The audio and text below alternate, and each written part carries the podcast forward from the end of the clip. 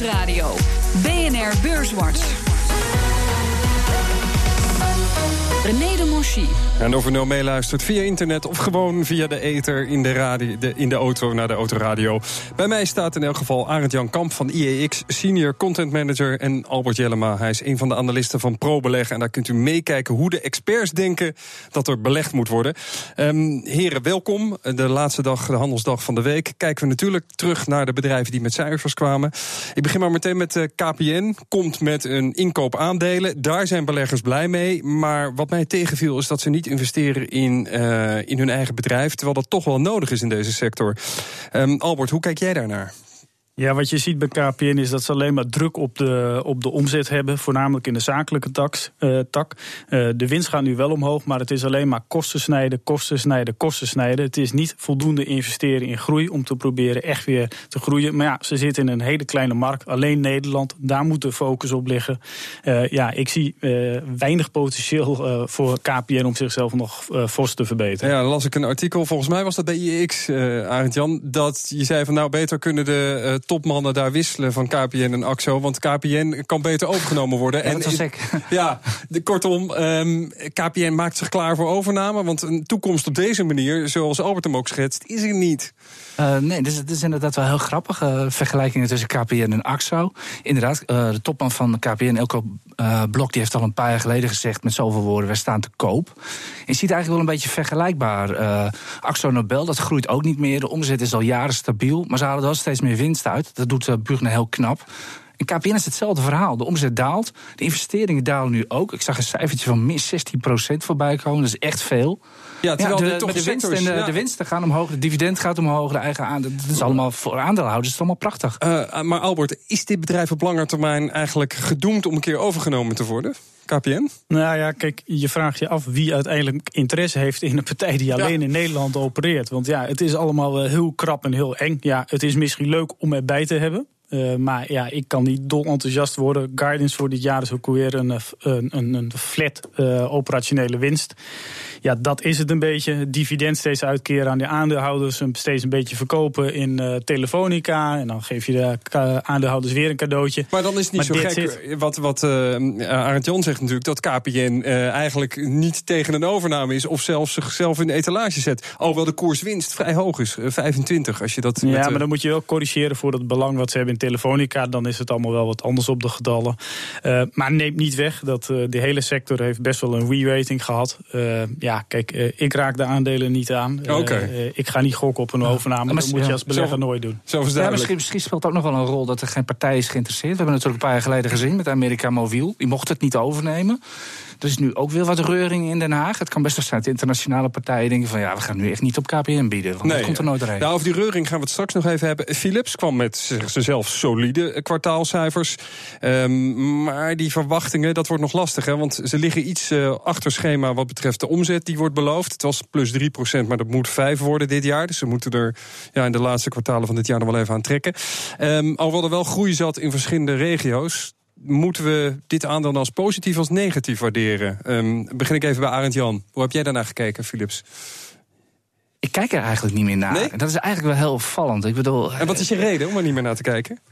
De elan is er ook een beetje uit bij Philips. Hoewel het een heel erg mooi bedrijf is. Wat ze, wat ze doen in, uh, met hebben medische apparatuur. Ze doen echt hele mooie dingen. Maken echt fraai apparatuur. En er zitten ook marges op, nou, et cetera. Dat zit allemaal wel in orde. Maar ja, er zit geen ondernemerschap ook achter. En geen elan. Maar dat willen vaak nog wel hele goede aandelen zijn. En Philips doet natuurlijk een mooi dividendrendement. En ach, misschien komt General Electric eens een keer met een mooi bod langs. Ah, daar komen ze weer. De, de bieders. uh, Albert, hoe kijk jij tegen Philips aan? Zoals deze cijfers? Nou, wel iets anders dan Arend Jan. Want het waren gewoon hele robuuste cijfers die ze hebben gepresenteerd. En wat Philips heeft gedaan de laatste jaren... is dat ze van een conglomeraat... hebben ze juist heel veel divisies hebben ze afgestoten. Ze maken ook heel veel haast nu om Philips Lighting te, te verkopen. Focus. De volgende uh, tranche mag ook heel snel verkocht worden. Veel sneller dan eerder gedacht. Volgens mij is het 60 of 90 dagen zelf. Dus ze brengen die focus aan.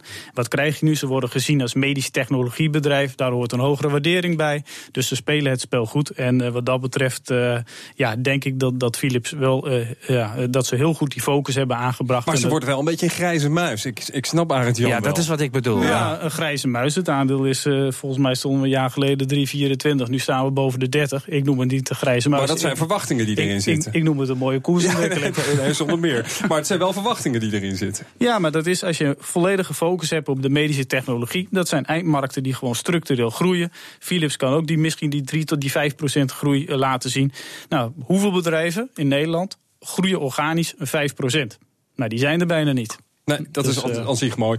Dan uh, Bezi, uh, Bezi Semiconductors kwam met cijfers. Ik moet zeggen, het aandeel is de laatste tijd natuurlijk al gigantisch opgelopen. Alsof de beleggers wisten dat dit zou gaan komen. Want die zagen er gewoon goed uit, profiteren van al die smartphones.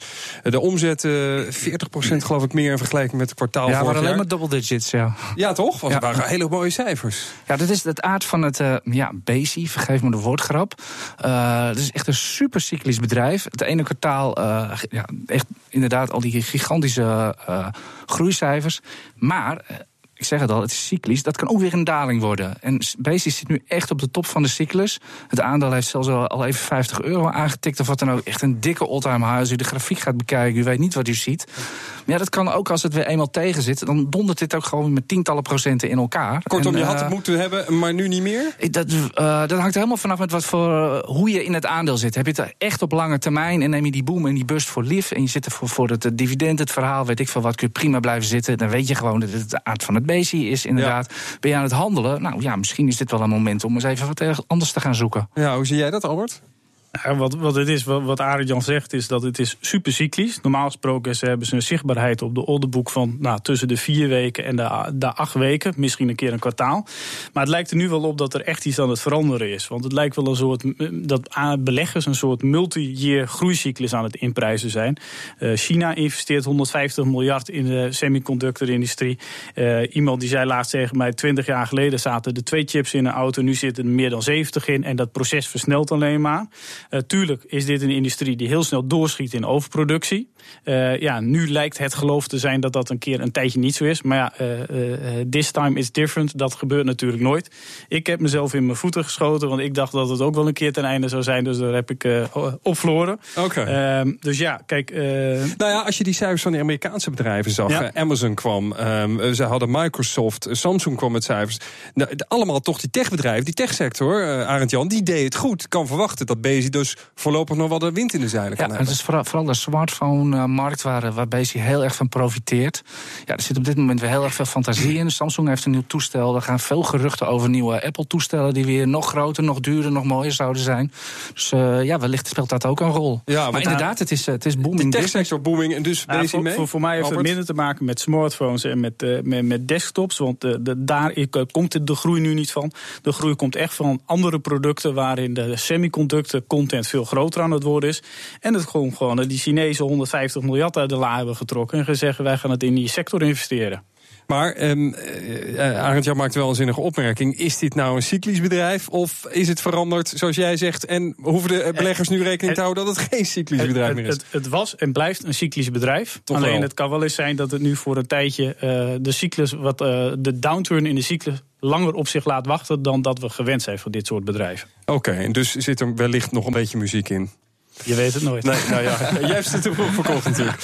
Uh, dan uh, moeten we natuurlijk ook even kijken naar de ECB. Heel even. Het was één groot niets, stilte, void, zoals de Amerikanen schreven. Eigenlijk zei Draghi helemaal niks. Zijn jullie dat met me eens? Uh, ja, daar kwam het wel op neer. Ja, was, toch? Het, het, was echt, het was heel vervelend. Het was bijna zo. vervelend, ja. ja. Ik, denk, ja. ik denk dat we die, dat hele ECB uh, gedoe met, met één cijfertje kunnen afdoen. Dat was vandaag een Europees kern inflatiecijfer 1,2 procent. Dat moet op 2 procent. Dat is het mandaat van de ECB. Daar zijn we nog niet. Ik denk dat daarmee de discussie wel over is. Nou, ik, ik had er wel een paar dingetjes uitgehaald. Uh, A, hij zei dat is wel heel knap hoor, dat je dat gelukt is. Hij, hij zei risk deflation disappeared. He? Nou, dat was toch een duidelijke uitspraak. Daarbij gaf hij ook duidelijk aan dat hij verwacht dat de rentes veel langer laag zullen zijn. Dat dat het monetaire opkoopprogramma zal gaan duren. Oké. Okay. Oftewel, daar maakt hij wel een duidelijke schakering in voor ja. het eerste keer. Ja. Dus ja, dan niet. Uh, ja. Dus ja, hij zegt ook uh, de groei is aan het verbeteren. Uh, de vorige keer zeiden ze altijd van risk to the downside. En nu zeggen ze moderate. En dus er, er zit wel een tone of oh, voice. Maar dan ben je echt woorden aan het wegen, Albert. Ja, maar dat, dat zo, als je naar die persconferenties luistert, dan gaat het ook letterlijk feitelijk om de ene zin van de vorige keer en de zin van nu. En dan halen ze één woordje weg. En dat is een verschil in de tone of voice van de ECB. Betekent dat nou dat ook het rentebeleid daadwerkelijk al... In, dat, dat, ik, ik, ik kan de consequenties van het rentebeleid hiervan uit deze woorden nog niet helemaal halen... maar dat dat ingeprijs geprijsd gaat worden in die aandelen? Nou, hij, zegt in ieder geval, hij zegt in ieder geval dat het rentebeleid uh, nog uh, lang laag zal blijven. Maar ja, je, hoort, ik denk dat je in juni of juli best wel problemen gaat krijgen om dat opkoopprogramma nog langer uh, te verlengen dan eind van dit jaar. Als die economische data op deze manier blijft doorkomen. Dat betekent dat uh, volgend jaar uh, dit opkoopprogramma afgebouwd wordt of misschien al ten einde is? Ja, misschien dat hij nog kan rekken totdat hij net met pensioen gaat in 2019.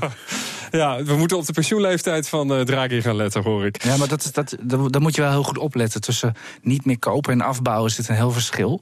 He, zoals de, de, Amerikaanse Fed, die koopt al een paar jaar niet meer op. Maar zoals we allemaal weten, obligaties lossen af. En die rolt de Fed wel door. Dus ze houden gewoon die balans op peil. Dus ze kopen nog wel wat bij. En daar zijn ze nu over aan het discussiëren... van moeten we daar niet eens mee gaan kappen. Ja, maar dat is nog wel een hele verre stap voor de ECB. Maar goed, er zitten iets andere woorden in... en die moeten we misschien toch maar uh, gaan... Uh, gaan ga volgende keer weer beter luisteren. Ja, nou, dit soort verschillen. nou, Albert, uh, twee luisteraars alvast voor Draghi. Want volgens mij uh, luisterden weinig mensen... want het was niet echt een beweging op de, op de beurzen. Um, dan moeten we nog natuurlijk even naar de wekelijkse soap Axo Nobel. Hadden een aandeelhoudersvergadering, lijken zich te verzetten. Zelfs een klein deel van de aandeelhouders is het daarmee eens. Maar de grote jongens die hebben allemaal teleurgesteld gere gereageerd natuurlijk op PBG.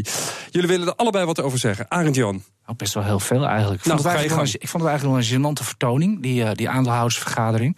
En dan heb ik het vooral over hoe ja, PPG dat wordt neergezet. Het heet ook de Amerikanen. Hè? Het wordt niet als PPG neergezet, maar de Amerikanen. Vijandbeeld creëren. Ja, ja, bijna wel.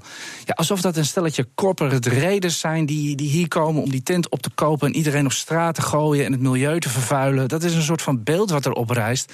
Dat het is zulke Ja, persoonlijk onzin. vind ik dat Axel Nobel veel te laat in beweging is gekomen. Pas na de biedingen van PPG. Dus dan zou je zeggen van Ze ja. bewegen helemaal niet. Nee. Ik bedoel, uh, er, er, komt een strategische update. En dat is niets anders dan een dividendverhoging en een aandeleninkoopprogramma. Niets van strategie. Weinig ondernemerschap. En, uh, ja, ik, we het hier voor de uitzending met, met, uh, met Albert over van ja, Axo Nobel onderneemt helemaal niet. Albert, zie je dat ook zo? Want ik kan wel een beetje in deze mening komen. Ja, ik zie dat zeker zo. Uh, kijk, Axo Nobel, als je er gewoon naar kijkt naar de laatste jaren, het is net als KPN. Kosten snijden, kosten snijden, kosten snijden. Dat is wat uh, Boegner heeft gedaan. Nu uh, tovert hij uit zijn tas in één keer een groeiplan. ja, daar is gewoon helemaal geen onderbouwing van. hij fakkelt de plannen van PPG fakkelt hij af. Maar wat zijn dan zijn eigenlijk zijn echte eigen plannen? En uh, ja, dan wordt de Nederlandse kaart gespeeld. Hè. Axo is een Nederlands bedrijf. Ja, uh, 5000 van de 47.000 medewerkers komen uit Nederland. Ja, ik denk dat als je die plannen van PBG en Axo, dat je die beide naast elkaar moet leggen. En uh, Boegner snijdt in kosten. PPG zegt bijvoorbeeld van, nou, wij garanderen de werkgelegenheid in Nederland. Hè, dat staat er dan in. Ja, ik, die medewerkers die daar met die gele of oranje petjes op stonden. Ja, misschien is het plan van PPG niet eens zo slecht in verhouding tot het nou, plan van zeg je zelf. Want er komt natuurlijk een Dutch discount als het moeilijker wordt om bedrijven over te nemen. Of dat nog op tijd zal ja. zijn voor Axo is natuurlijk de vraag. We moeten zo naar de reclame, maar één vraag.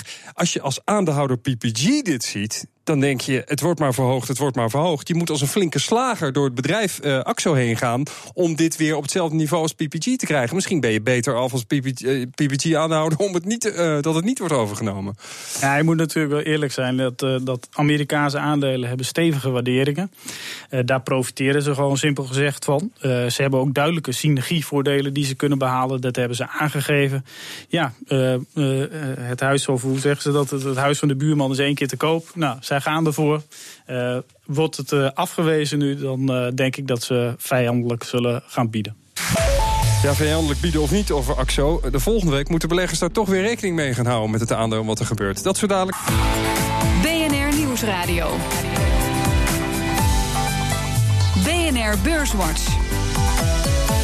Mijn naam is René de en ik sta met Albert Jellema van ProBeleggen... en Arend Jan Kamp, die kunt u kennen van IEX, de beleggingswebsite. Uh, we gaan zo dadelijk even vooruitblikken... maar eerst even de belangrijkste plussen in de minnen van de afgelopen handelsweek. Dat is de AEX zelf, die steeg 1,8% En de midcap die kreeg er bijna 4% bij. Stijgers. Altis, het Franse kabelbedrijf, ruim 10% in de plus. En ook ABN deed het goed. De bank ABN AMRO plus 7% afgelopen handelsdagen. En ING 5,3% in de plus. En in de midcap was het BSI, we hadden het er zojuist al over... ruim 15% erbij. Dalers. Dalers. Gemalto, met name de laatste dag van de handelsweek. 6,7% in de min. Ook KPN deed het niet goed. Kwam eerder met cijfers, hadden we het ook al over. Min 2,3%. En Galapagos, nou levert dan wat van zijn winst in van de afgelopen weken bijna maanden die ze hebben gewonnen, 0,7 procent. Maar eigenlijk was het eigenlijk een hele goede week, want er waren maar weinig dalers. Uh, in de midcap was het wel een grote daler, Vastnet. Dat daalde 4 procent en dat doet het al zo slecht de afgelopen 12 maanden. Al meer dan 10 procent ervan af. Ja, als jullie dit zo horen, nou, KPN hebben we behandeld. BSI, Altis, dat viel me nog wel even op. Plus 10 procent. Ik snap niks van dat aandeel. Zwaar gefinancierd. Mensen willen het niet en toch gewoon weer 10% erbij. Arend Jan, hoe kijk jij daarnaar? Uh, je zegt het al, dat is 72 miljard schuld uit mijn hoofd. Ja, dus, uh, ja ik, uh, ik snap het ook niet. Nee, en er zijn heel veel mensen die dat niet aandurven. Albert? Ja, kijk, Altis wordt gerund als een private equity bedrijf. Uh, dus ik, het is gewoon, ja, er, er zit een, een, soort. De leider van Altis, die, die, die, die wil met veel leverage, wil die gewoon hoger rendement op het kapitaal hebben ja, ik vind het wel heel knap wat die beste man doet. En natuurlijk, we moeten allemaal weer naar schuld. Want op de beurs zeggen we allemaal... oeh, niet meer dan drie keer je operationele winst. In private equity werken ze standaard met vijf, zes keer. Dat is de waarschuwing van Arend Jan terecht. Zo, zo, zo doet hij het. Ja.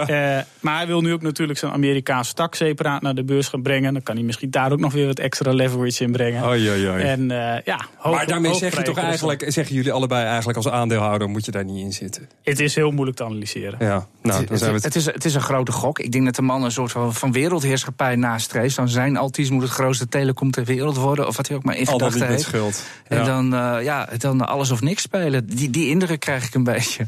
Nou, um, uh, vraag ik jullie ook af en toe dingen van... waar moeten we het over hebben? Um, uh, Albert, toen zei van ja, Corbion. Even voor de mensen die niet weten. Ingrediënten doen ze. Um, ook een soort van bioplastics, voedingsmiddelen bioplastics. Een combinatie daarvan.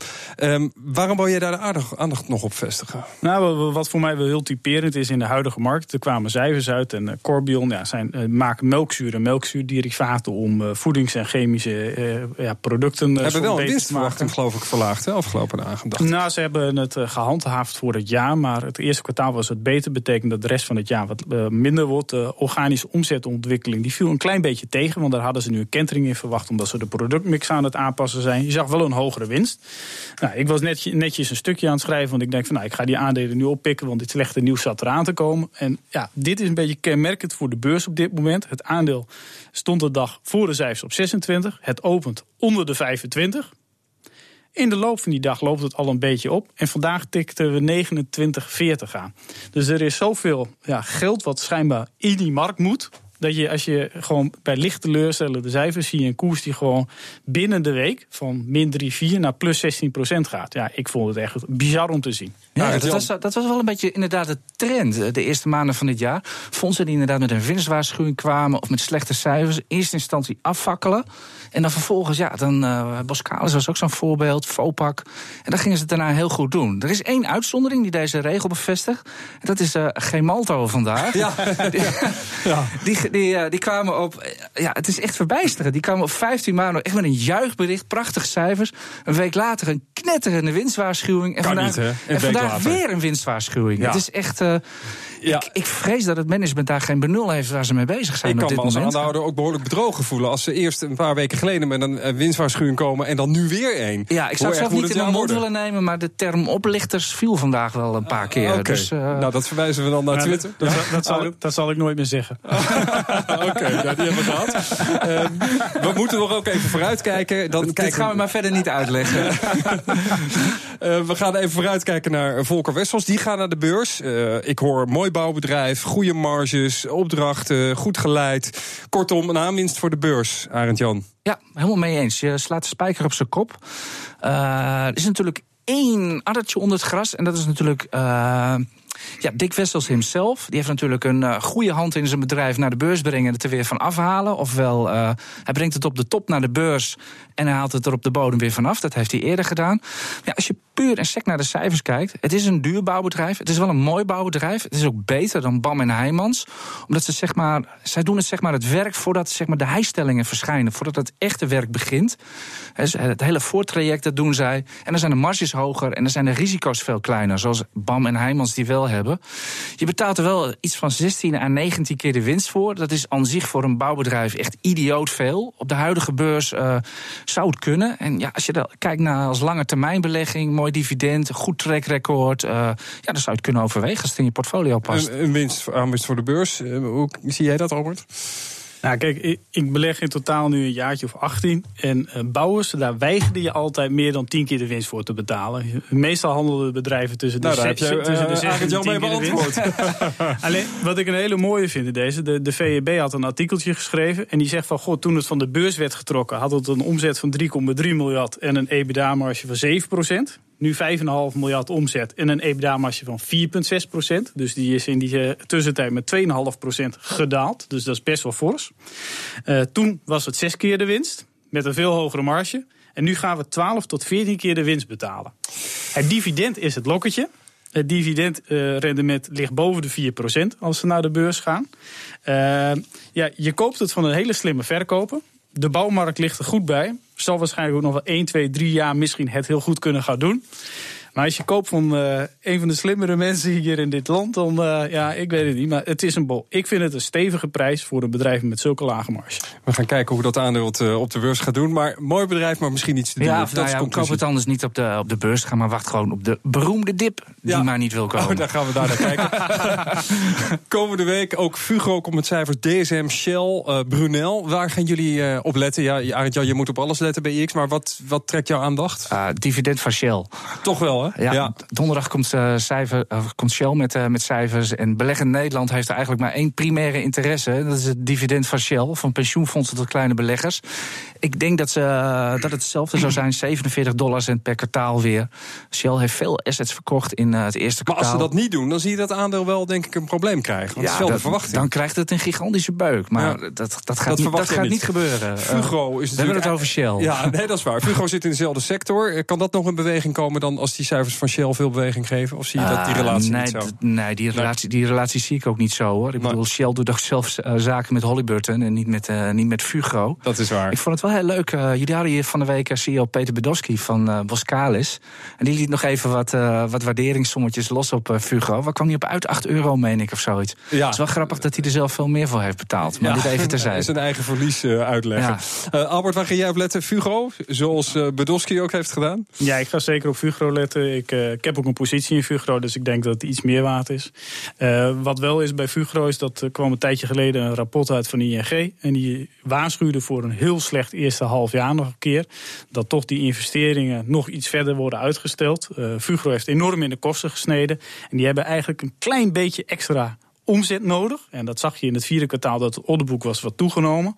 Ja, en dan gaat die operationele hefboom werken en kan die winst in één keer heel erg snel, heel hard oplopen. Maar dat moet er wel te zien zijn de komende week. Nou, nu nog niet. Uh, volgens, de, volgens het rapport van ING, die hadden met de CFO gesproken. En ja, daarop zag je die koers ook eigenlijk van, van 15 naar 14 of 13,5 zelfs dalen. Dus ja, het nieuws is bij beleggers, institutionele beleggers al wel weer bekend.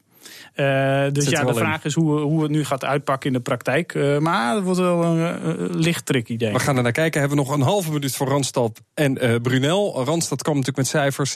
Ja, het gaat overwegend goed. Met name in die Europese Unie. Hè, de Italië, Duitsland, Frankrijk. Toch groeien daar. Nederland magere groei in die arbeidsmarkt. Albert, korte visie nog op, op Randstad, de arbeidsmarkt. Ja, nou, wat, wat ik opvallend vond was dat uh, Noord-Amerika plus 1% groeide en Europa plus 8%. Dus ja, je ziet een ja. hele duidelijke groeiswitch. En zij ja, daar, staat, vooral... daar staat op de truc, ja. ja. En als je dan inderdaad naar de cijfers van Manpower kijkt, de Amerikaanse concurrent van, uh, van Randstad, die kwamen zelfs op een negatieve groei uit in, uh, in Amerika. Dus misschien is het economisch momentum daar wel een beetje over. Nou, dat je, zag ook, je, je zag ook het PBP-cijfer vandaag. De cijfers worden allemaal wat minder. In Amerika. Ja. Um, dan tot slot vraag ik jullie altijd om een tip aan het einde van de uitzending twee uh, zaken moet ik horen, namelijk waarom en of je er zelf in zit. En ik begin bij Albert. Ahold Delhaize. En waarom? Ik zit erin.